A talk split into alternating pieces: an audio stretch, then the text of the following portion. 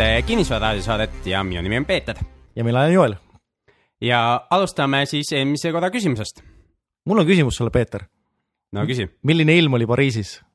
Pariisis oli suht jahe ilm, aga sellest polnud hullu midagi, sellepärast et ega mina ei olnud see, kes jooksis aga okei okay., aga eelmise saate küsimus oli, mis aastal ilmus Equity Happens raamat? ja õige vastus on kaks tuhat kuus ja saadame siis jälle auhinna välja. aga lähme siis tänaste teemade juurde ja täna tegelikult on meil üks, üks suur teema. ja selleks teemaks on see, et äh, saime siis hakkama oma senise elu kõige tähtsama ja kõige keerulisema intervjuuga. ja Joel, miks see keeruline oli? Äh, ma tutvusin mehega, kellest palju, palju, palju räägitakse, aga ma ei olnud äh, kunagi temaga kohtunud. tähendab, õigemini ütleme niimoodi, et ma tutvusin füüsiliselt eh, mehega, eh, kes on üks minu nii-öelda iidolitest, aga eh, selline mees nagu härra Murphy. jah, härra Murphy'ga me saime tuttavaks ja, ja see tegi meie asjad nagu väga keeruliseks, meil pole nii, nii palju tehnilisi probleeme ja veel kunagi varem olnud, kui, kui, kui selle intervjuu tegemisega. lihtsalt, et teile näiteks tuua, me tegime seda intervjuud siis laeva peal ja laeva peal oli niisugune koht nagu raamatukogu, mis oli kogu aeg tühi. kogu aeg oli tühi, seal ei olnud mitte kedagi, täielik vaikus. just, ja siis, kui me tahtsime, olime intervjuud teha ja olime leppinud kohtumise kokku sinna, siis oli see just parasjagu ülerahvastatud, inimesed otsustasid, et seal oleks hea kaarti mängida.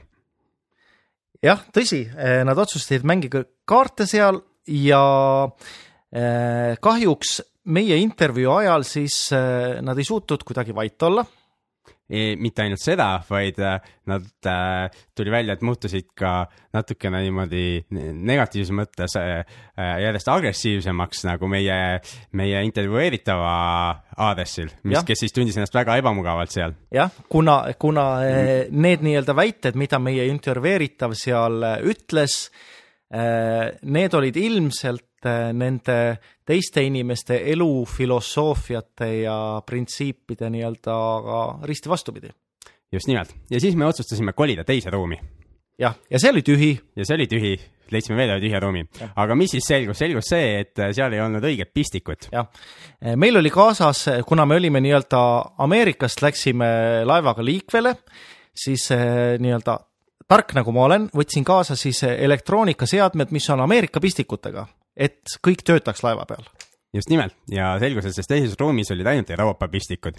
Ja mitte ühtegi Ameerika pistikut ja, ja, ja niipidi ühtegi üleminekut meil ka loomulikult ei olnud, et, et siis Euroopa omast Ameerika omasse, meil olid ikka kõik vastupidi, et me saaks oma Euroopa asjad Ameerika pistikutesse toppida.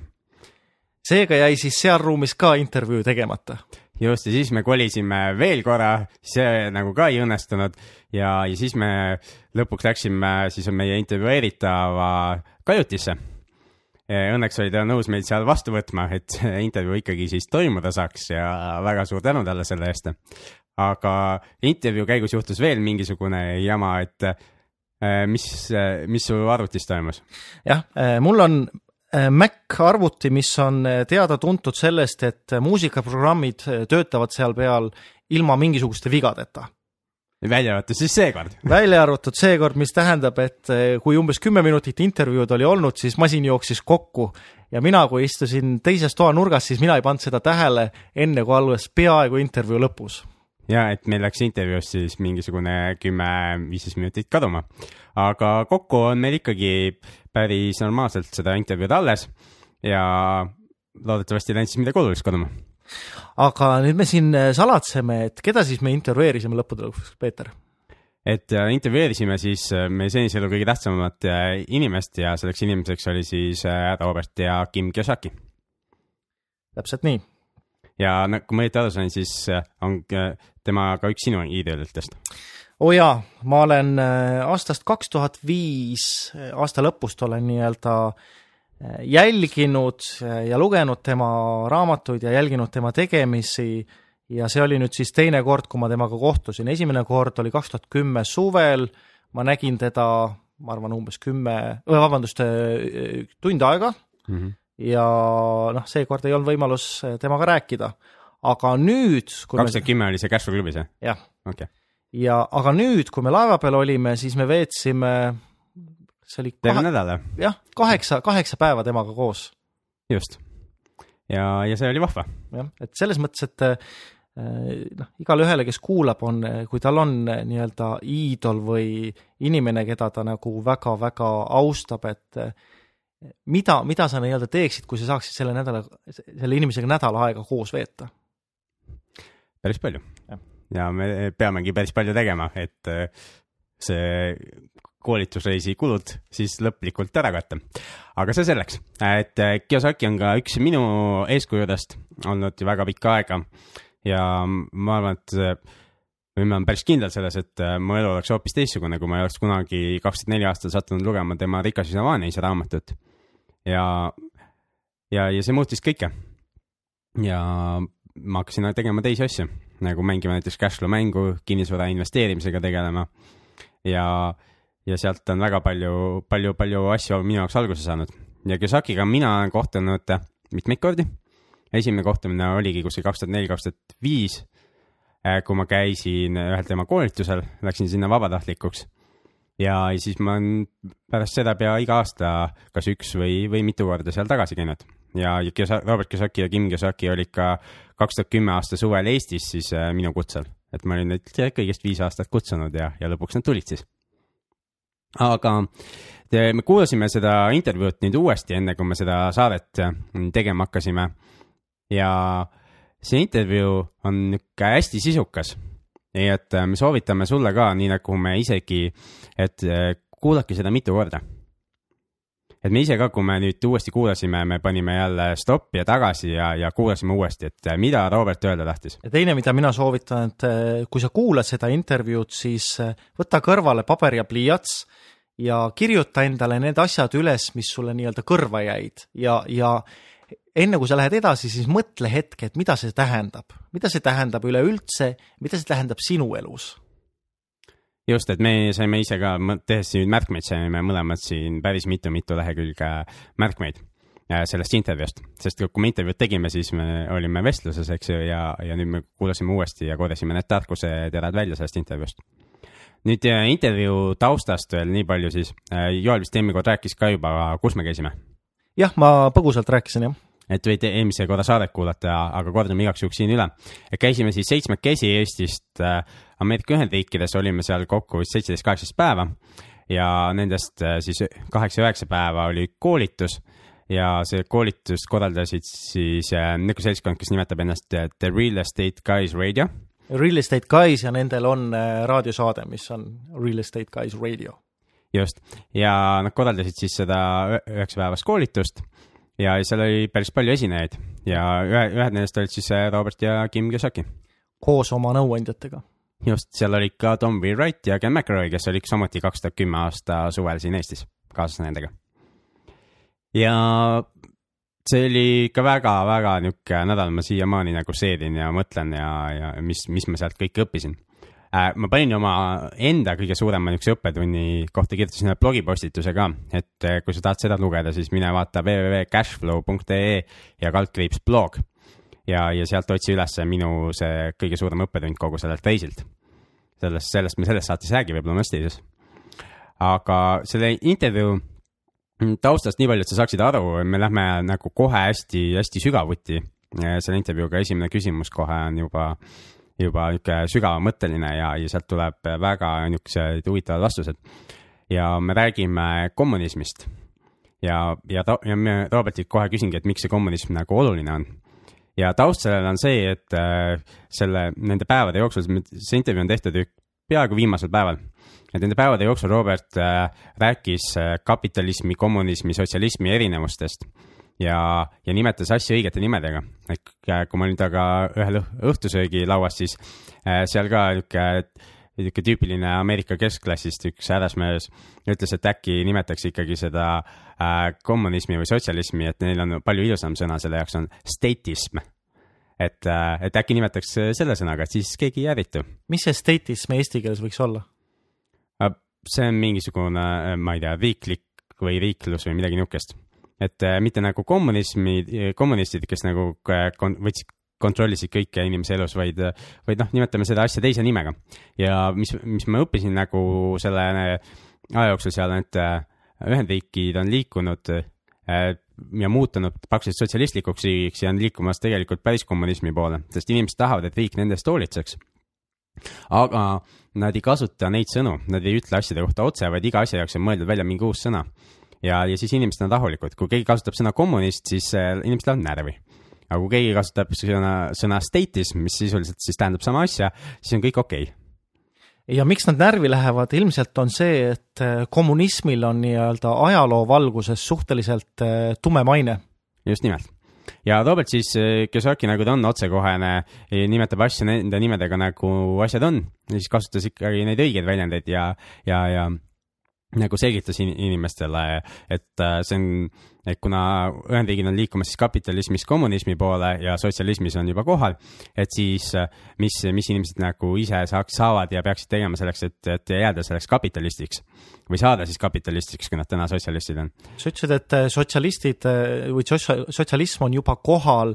Äh, see sotsialism ilmneb selles, et inimesed saavad tasuta arstiabi, saavad tasuta toitu, on nii-öelda food stamps on selline termin, mida kasutatakse, ehk siis äh, nii-öelda stamp on, eks ju, mark, aga noh, mark ei ole võib-olla eesti keeles õige sõna. sinna pandi ka mingi uus nimi, see, sellel, mul ei ole meeles, äkki ütles ka, mis see uus nimetus sellele food stamp'i ka enam ei kasutata, et seal pidi ka halvustam maine olema mm. -hmm. et siis on mingi ilusam nimi sellele ka välja mõeldud. et ühesõnaga, riik hoolitseb väga paljude inimeste eest ja, ja maksab kõikvõimalikke toetusi Ühendriikides ja, ja, ja, ja neid toetusi tuleb seal järjest juurde ja juurde ma lugesin eelmise nädala laupäeva posti, Postimeest, jah, Postimeest lugesin. Äh, ja kas sa tead, milline on tänane päev kõige populaarsem partei Tartus? Äh, sotsialist. nii et äh, meie oleme ka millegipärast hakkame nagu ringiga tagasi sinna jõudma, ma nagu, ma, ma saan aru nagu, mis toimub, aga teisest küljest olles ise nagu veendunud kapitalist nagu noh, see ei ole hea märk aga, aga mis teha, tuleb õppida nagu hakkama saa-, saama ka sellises, sellistes oludes, kui, kui sotsialistid uuesti ka Eestis võimule saavad, eks ju. sest nad muudavad kindlasti maksuseaduseid ja, ja samas nad ei saa oma rikkaid toetajaid ära unustada, et kindlasti nad jätavad midagi, midagi sisse, mida kapitalistid saavad siis edukalt ära kasutada. me räägime kapitalismist ja kommunismist üks nii-öelda asi, mida Robert õpetas seal laeva peal, olid filosoofiad.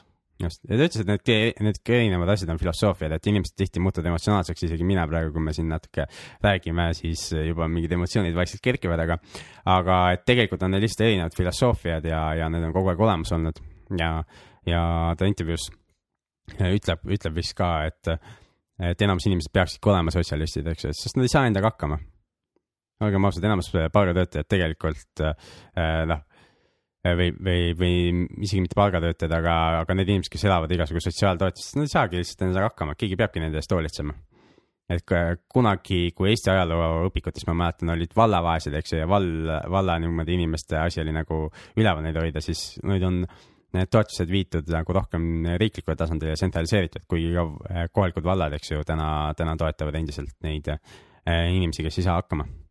Ja tegelikult on huvitav on ju see, et need toetused, põhimõtteliselt kuidas süsteem toimub, toimib, on see, et eh, riik võtab inimestelt raha ära ja kuidas see toimib, on eh, läbi maksude.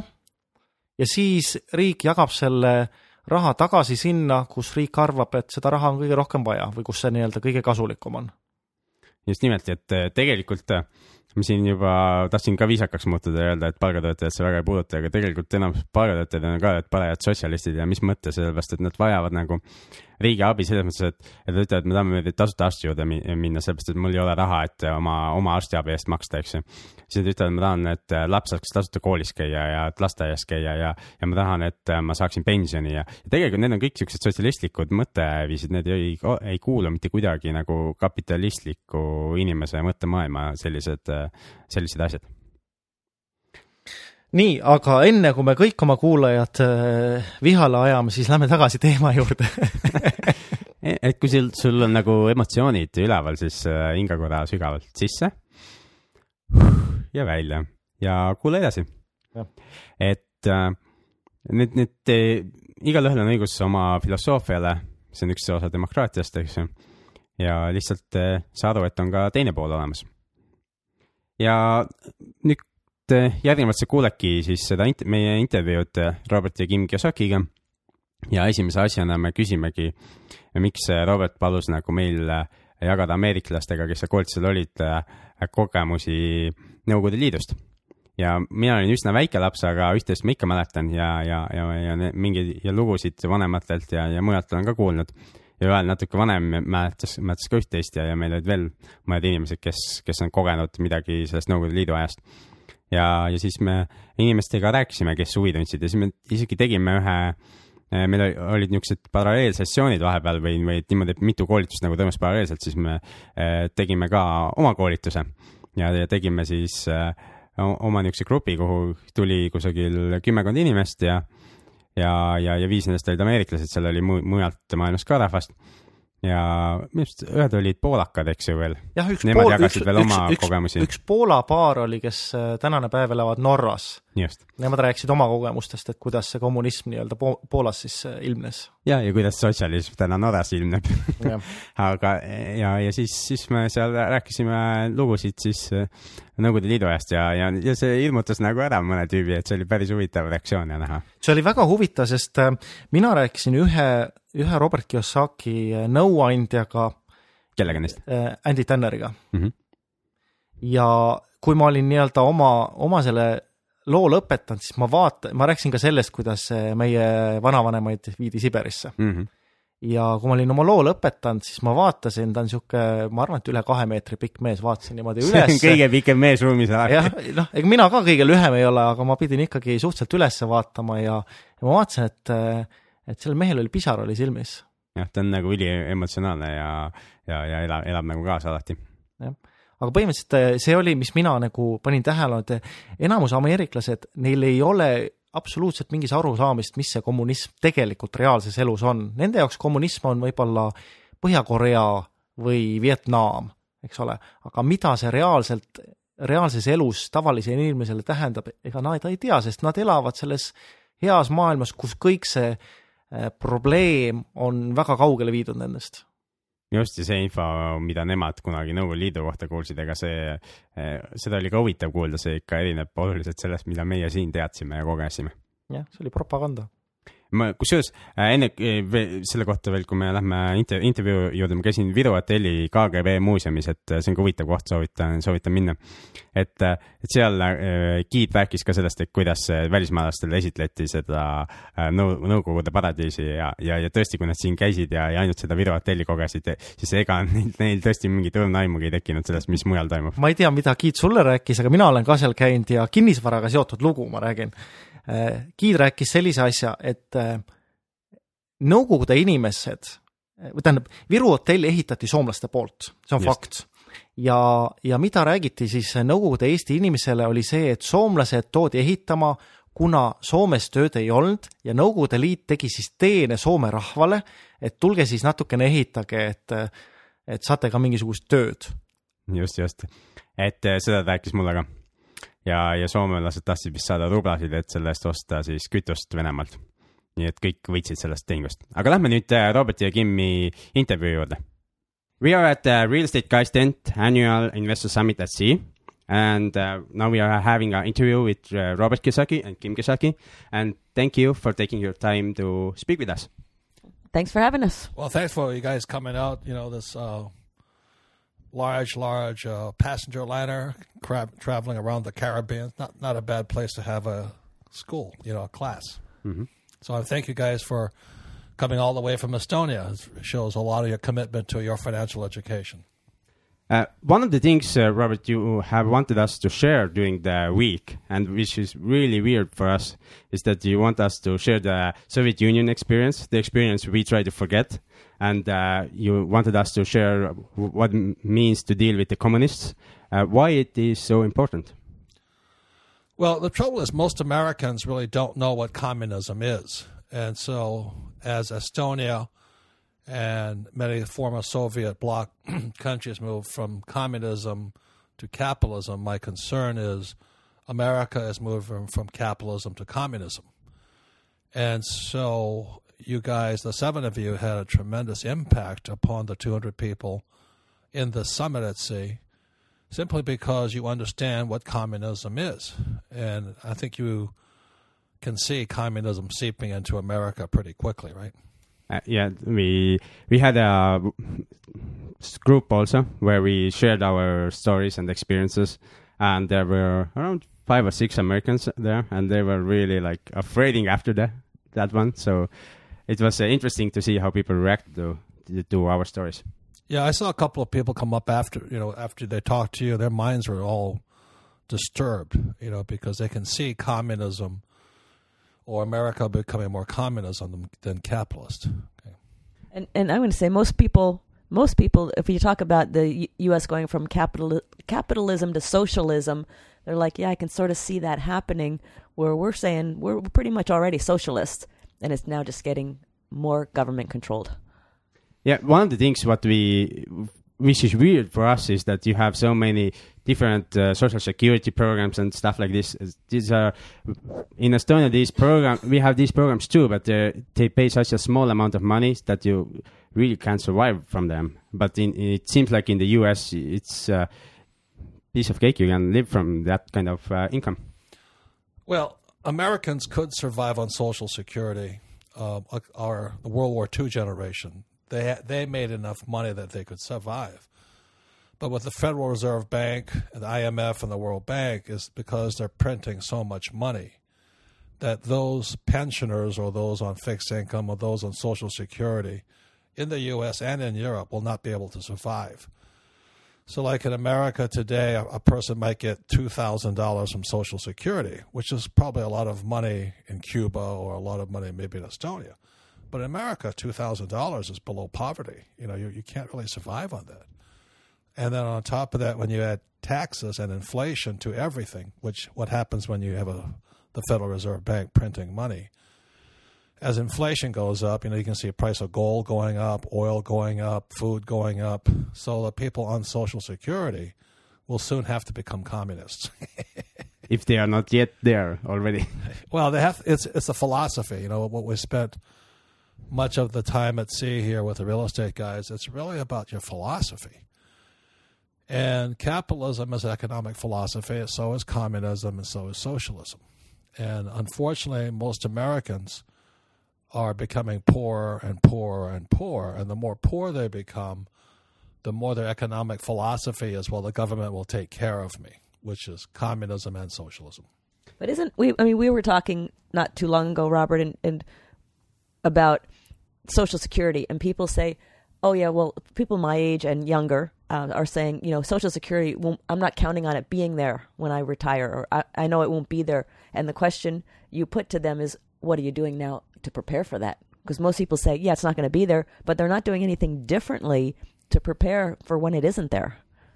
Well, that's why we started this whole, you know, real estate summit at sea, is about transformation because the trouble with school is that you get information, but very few people transform. Transformation means you take a caterpillar and it turns into a butterfly and flies. Well, you cannot give a poor person money and expect them to become rich because they're they're not transformed. The same as a middle class person like my poor dad, you know, PhD, very smart man. All the books in the world would not transform him from a middle class to a rich man.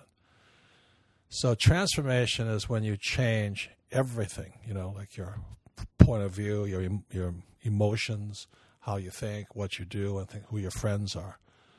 And so transformation is far more intense, sometimes harder for most people than just reading a book. And I mean, transformation takes doing this. You got to go out there and do something. You know, Einstein has a quote says nothing happens until something moves. You got to go do something and then you have an experience and then you might fall down, you might make a mistake, you might learn something, you might succeed, but it's in the doing this that's where you gain the experience and that's where transformation happens. You have had quite successful life if I may say. You have achieved quite a lot from a normal human being point of view what is motivating, what is driving you still go out there and uh, educating people? You could have easy life and retire somewhere and just enjoy. So what is fueling your fire? Well, we always talk about what's your mission in life. You know, I mean, everybody has a everybody has a gift, everybody has a passion, and I didn't really realize this because at school I kept wondering how come they don't teach me about money. You know, because you go to school to get a job, but they don't teach you anything about money. And then my dad, my poor dad, was a PhD, and he had no money. And I was, I was kind of curious, you know, why is it not? Why don't they teach about money at school? But that's not that's not a mistake. So it's kind of my passion, and the reason I, I went to Estonia and uh, Poland and uh, the summer of the Soviet Union, or Russia, should I say, is because you know there's a hunger for financial education. So I'm just giving back what I wanted as a kid. That's not for everybody, you know. I mean, actually, most people are actually happiest to be socialists and communists. Most people like to have the government take care of them, you know, give them stuff and provide housing. You know, I was in uh, Kyrgyzstan not too long ago, and man, I tell you, going into former Soviet or Russian housing is the worst thing. But they were really happy. You know, they said, "Oh, we like this." And I couldn't last more than a second. Uh, they're very nice. I had dinner with them, but I don't know how people can live in such horrible conditions. But they're quite happy. It's government. You know, government gives it to them. They have. They still get a government money. And so many people are very happy there. So capitalism is there's a drive to you, there's a mission, there's a spirit. It's not easy, it's not for everybody. So that's what kind of drives me on. So, you know, I'm really happy. I've known Peter now for years and years and years and years. And he keeps showing up no matter where I am. He, you know, he comes and he learns and he's always studying and he goes back and he teaches. And that's the kind of people I want. So when the seven of the young men came from Estonia, we should have brought some beautiful Estonian women. But when I see people wanting to go back and teach, that's the same same reason I teach because you guys come out here, you learn, and you go back and teach. And again, you know, socialism. Most people should be socialists or communists. They should have the government take care of them. Not that they don't, not that ambitious. So what we do takes tremendous ambition. You have to learn, you have to practice, make mistakes, and keep transforming. Most people are, are not that driven. So I'm just driven to keep transforming.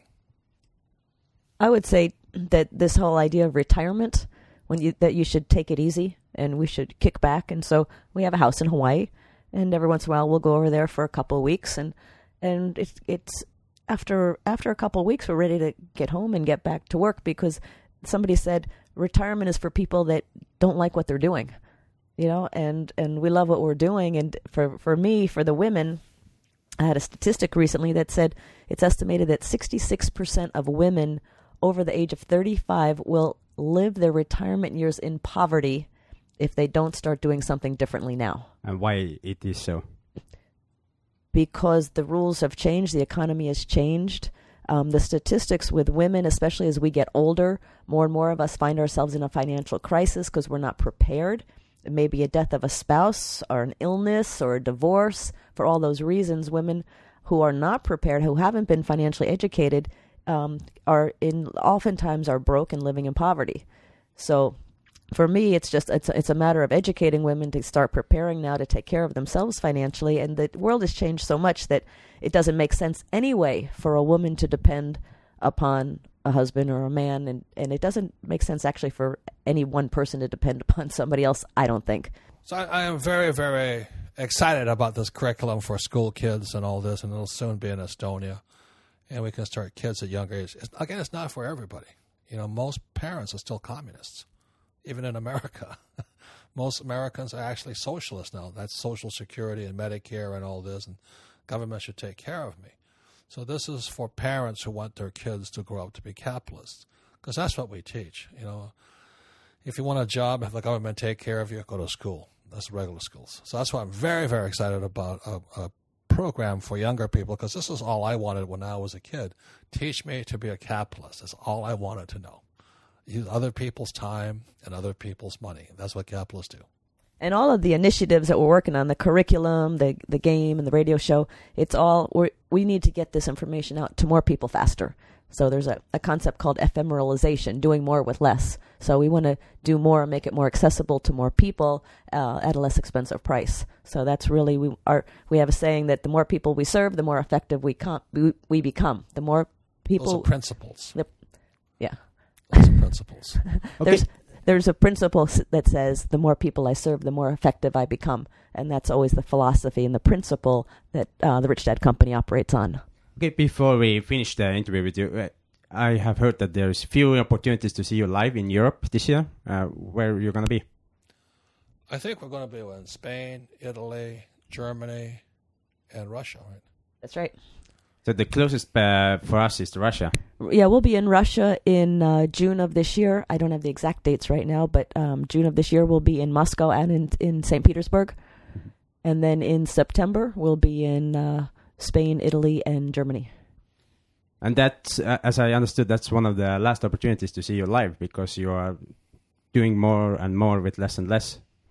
Well, it's not the last, you know, because I, I, I like live live seminars and all that. It's just the rich dad business is so big, and everything we do, we got to go around the world. And you know, I'm going to be an old man pretty soon, and so I'd rather figure out how do I do more with less and things like this. So that's how we're doing radio, like you're doing, and other things to reach more people. The Rich Dad Advisors are, are taking a life of their own, and they're going to start teaching entrepreneurship all over the world. So there'll be other teachers coming out. It's uh, and you know, like you know, Ken McElroy and Josh and Lisa Lannon and Andy Tanner and uh, Garrett Sutton and uh, Tom Wheelwright. They're they're great teachers. So there's a we're going to do more with less, less of me. Okay, uh, thank you very much for your time, and uh, see you and talk to you soon. Uh, Thank you. Thank you. Thanks so much. And uh, all the best to the people of Estonia. Thank you. Nonii, intervjuu Roberti ja Kimmiga kuulatud ja nagu ma enne intervjuud juba soovitasin, siis eh, kuula veel kord, et eh, keri tagasi ja, ja kuula veel kord ja, ja siis tule äkki siia, siia momenti ja, ja kuula, mis meie sellest õppisime ja mis me endale kirja panime, et me lühidalt eh, räägime eh, nüüd läbi, et mi- mis märkmeid me tegime sellest intervjuust. ja tegelikult mina soovitan ka seda, et sa kuulad seda kellegi koos, kellegiga koos ja räägid sellel teemal, sa arutled kellegiga mm. -hmm. sellepärast üks inimene saab ühtemoodi aru, teine saab teistmoodi ja kui sul on vestlus sellel teemal, siis tegelikult eh, kaks inimest õpivad rohkem kui üks pluss üks. et üks asi, mida Robert äh, meiega seal laeva peal tegi, oli niisugune asi, mida nimetab study group'iks ehk õpp, õppegrupiks. ja, ja see kogu selle asja ülesanne oli see, et, et õppida tekste lugema ja, ja teha seda õieti, nii et õpiks sellest midagi, mitte et äh, igaüks jahub oma vaatenurgast ja, ja see põhiküsimus oli, mis tuli nagu esitada teksti kohta, mida me lugesime või, või praegu intervjuu kohta, mis sa kuulad, mida inimene ütles. Mitte see, et mida mina arvan, et ma arvan, et ma ei tea, Robert on napakas, noh et äh, mis, mida ta ülistab seda kapitalismi, et sotsialism on ikka palju parem, eks ju, et riik annab sulle pappi ja kõik elavad hästi, eks ju. mitte, mitte see ei ole oluline, vaid oluline on see, et mida ta ütles. ja kõigepealt käia nagu selle küsimusega äh, see materjal läbi ja, ja, ja, ja, ja, ja kui, kui on inimesed aru saanud, mida keegi, mida öeldi, siis kui sa esitad seda küsimust, vähemalt see, mis mina kogesin nagu selles grupis, mis me tegime laeva peal, oli see, et äh, me esitasime küsimuse mingi kohta, et mida siin, mis siin tekstis oli ja, ja siis äh, te, üks, keegi teine grupis, eks ju äh, hakkas hoopis oma arvamust jahuma või mingisugust täiesti nagu aiateivastest rääkima, siis oli see, et äh, vähemalt mina sekkusin kohe, ütlesin stopp, eks ju, kuule, küsimus oli, mida tekstis öeldi, mitte mida sina arvad, eks ju, et noh, et sama peaksid sina tegema, et kui sa kellegi teisega koos kuulad seda, siis esitage see küsimus, mida Robert ütles, mida Kim ütles, mitte, mitte seda, et äh, mida keegi teist arvab. jah, täpselt nii. ja kui on aru saadud nagu, mis, mis sisu oli ja see läbi käidud ja sa oled veendunud, et teine inimene ka aru sai ja tema meelel sina nagu aru said, siis on aeg aruteluks. jah, et mida sina siis selle kohta arvad, eks ole, sest sul on tegelikult on õigus, on arvamusele, aga kõigepealt sa pead aru saama, mis oli see nii-öelda see point, mida see inimene väidab ja miks ta seda väidab nii. Just ja nüüd me vist jagamegi natukene seda, mida, mida, mida intervjuus oli ja mida me arvame sellest. jah, üks, mis mina nii-öelda noppisin välja, oli, Kim vist ütles seda, et eh, sotsiaalkindlustus või nii-öelda pension ei ole enam olemas sellel hetkel, kui meie jääme pensionile ja meie all ma mõtlen inimesi, kes on sündinud niimoodi kaheksakümmend pluss miinus kümme aastat, eks ole. ehk siis meieealised, kes on praegu ütleme niimoodi kahekümnendates, kolmekümnendates, võib-olla isegi neljakümnendates, et et see, mida Kim ütles, on, ta väitis, et pensionit ei ole seal ja siis esitas küsimuse, et mida sina teed selle heaks, et see sind nii-öelda ei mõjuta negatiivselt. et just seda Kim ütleski ja nüüd on võib-olla aeg meie arvamuseks, et kunagi õppisin ühe semestriga Tartu Ülikooli majandusteaduskonnas ja, ja seal ma pidin tegema ettekande teise samba pensionitest ja, ja, ja ma alustasin seda, seda kodutööd või ettekannet sellega, et, et pensioni väljamakseid teisest sambast ei ole olemas selleks ajaks, kui minu vanused jõuavad pensionini ja ja, ja siis äh, vähemalt ülejäänud kursakaaslased ärkasid üles ja õppejõud lõpus ütles, et kas peab nii pessimistlik olema. aga ma arvan, et see on üsna realistlik ja, ja sind ei aita ka see, ütleme otse siis jama, mida, mis tuleb siis meie riigi nagu juhtkonna poolt, eks ju. ja ma ei süüdista riigi juhtkonda, sest nemad ei saa tegelikult midagi teha, see on üle maailma niimoodi. et on olemas need pensionifondid, eks ju. Need pensionifondides suure tõenäosusega ei ole ka eriti midagi alles.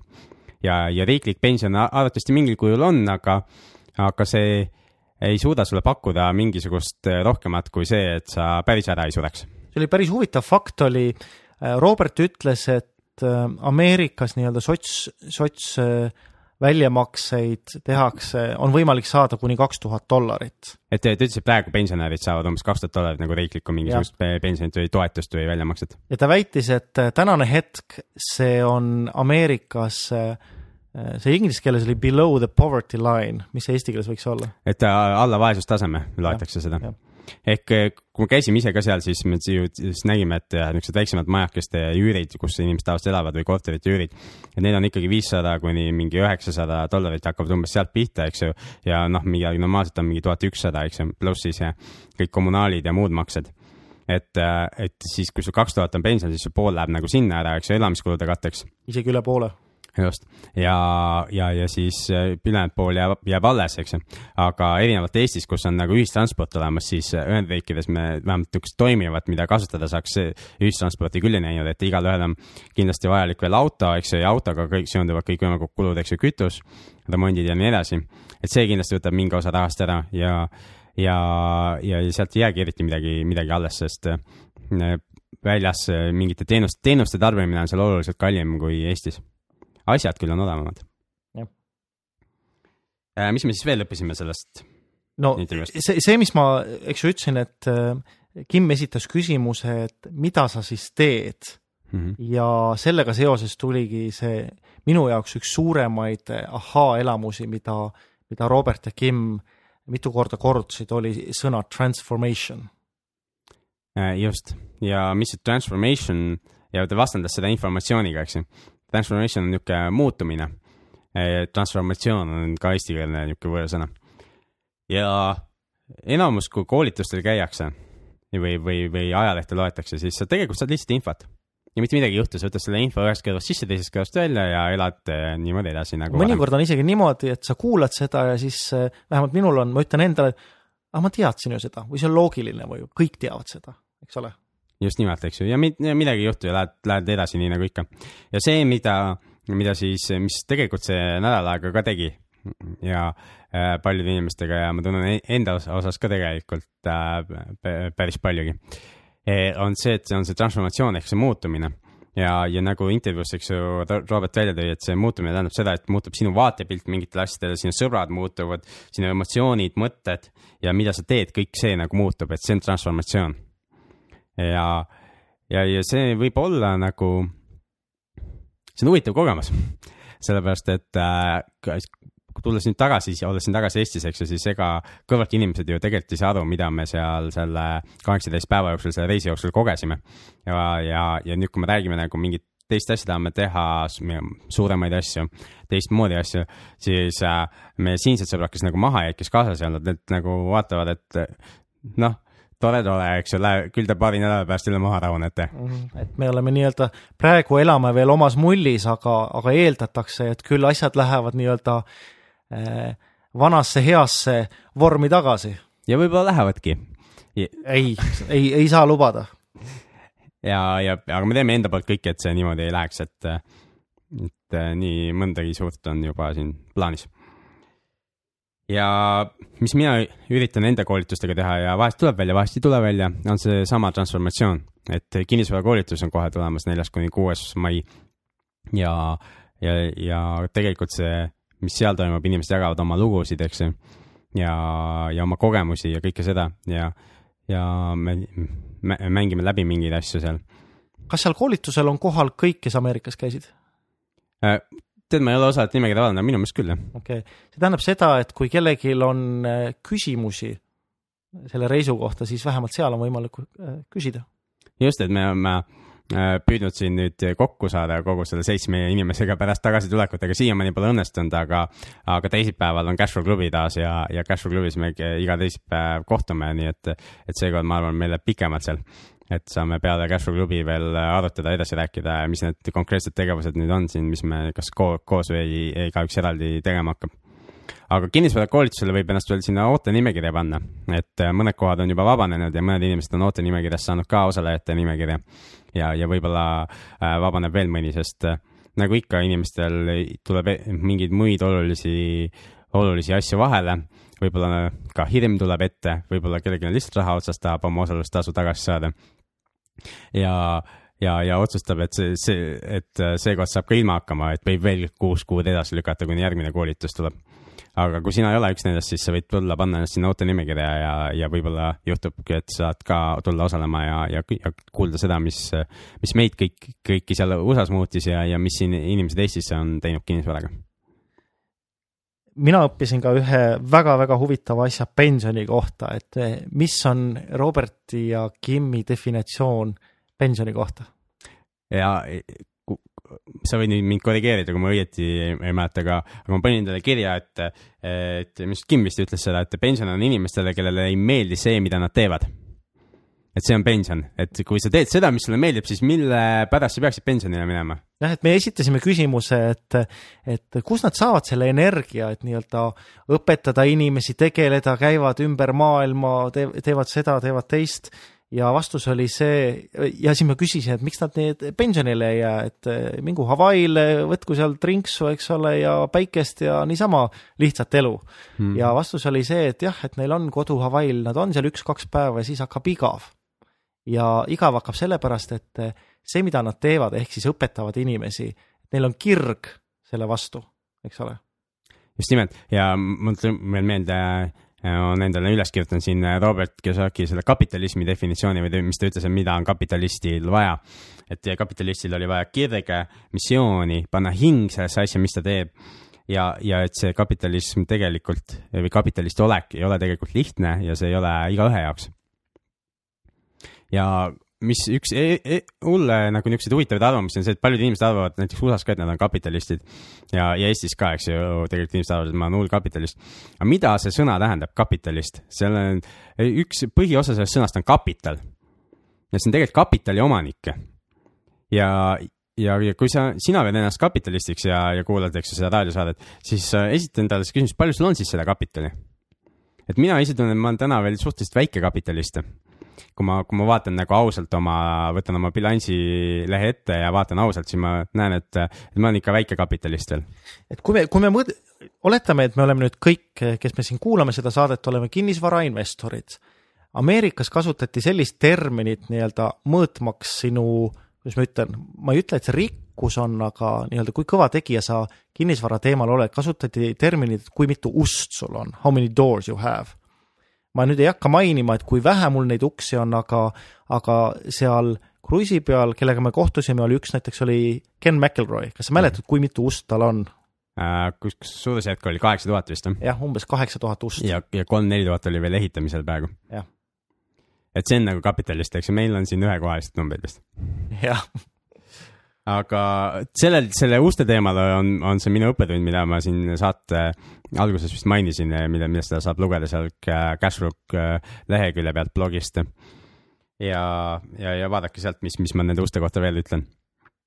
aga kapitalismi kohta veel, et äh, nii, nii palju, mis mulle meenub, et ma lugesin nüüd siin Eesti ajalehti ja, ja kusagil oli öeldud, et kesk, eestlased keskmiselt on iga, igaüks vist mingi äh, miinus. tuhat kaheksasada eurot. miinus tuhat kaheksasada eurot on nagu see kapitali seis, eks ju. siis andke andeks, kuulge, me, ei ela kapitalistlikus äh, riigis nagu keskmiselt. meil on kindlasti kapit-, kapitaliste, aga enamus inimesi on siis, äh, ma ei tea, sotsialistid või kes nad, kes nad, kes iganes nad on, eks ju.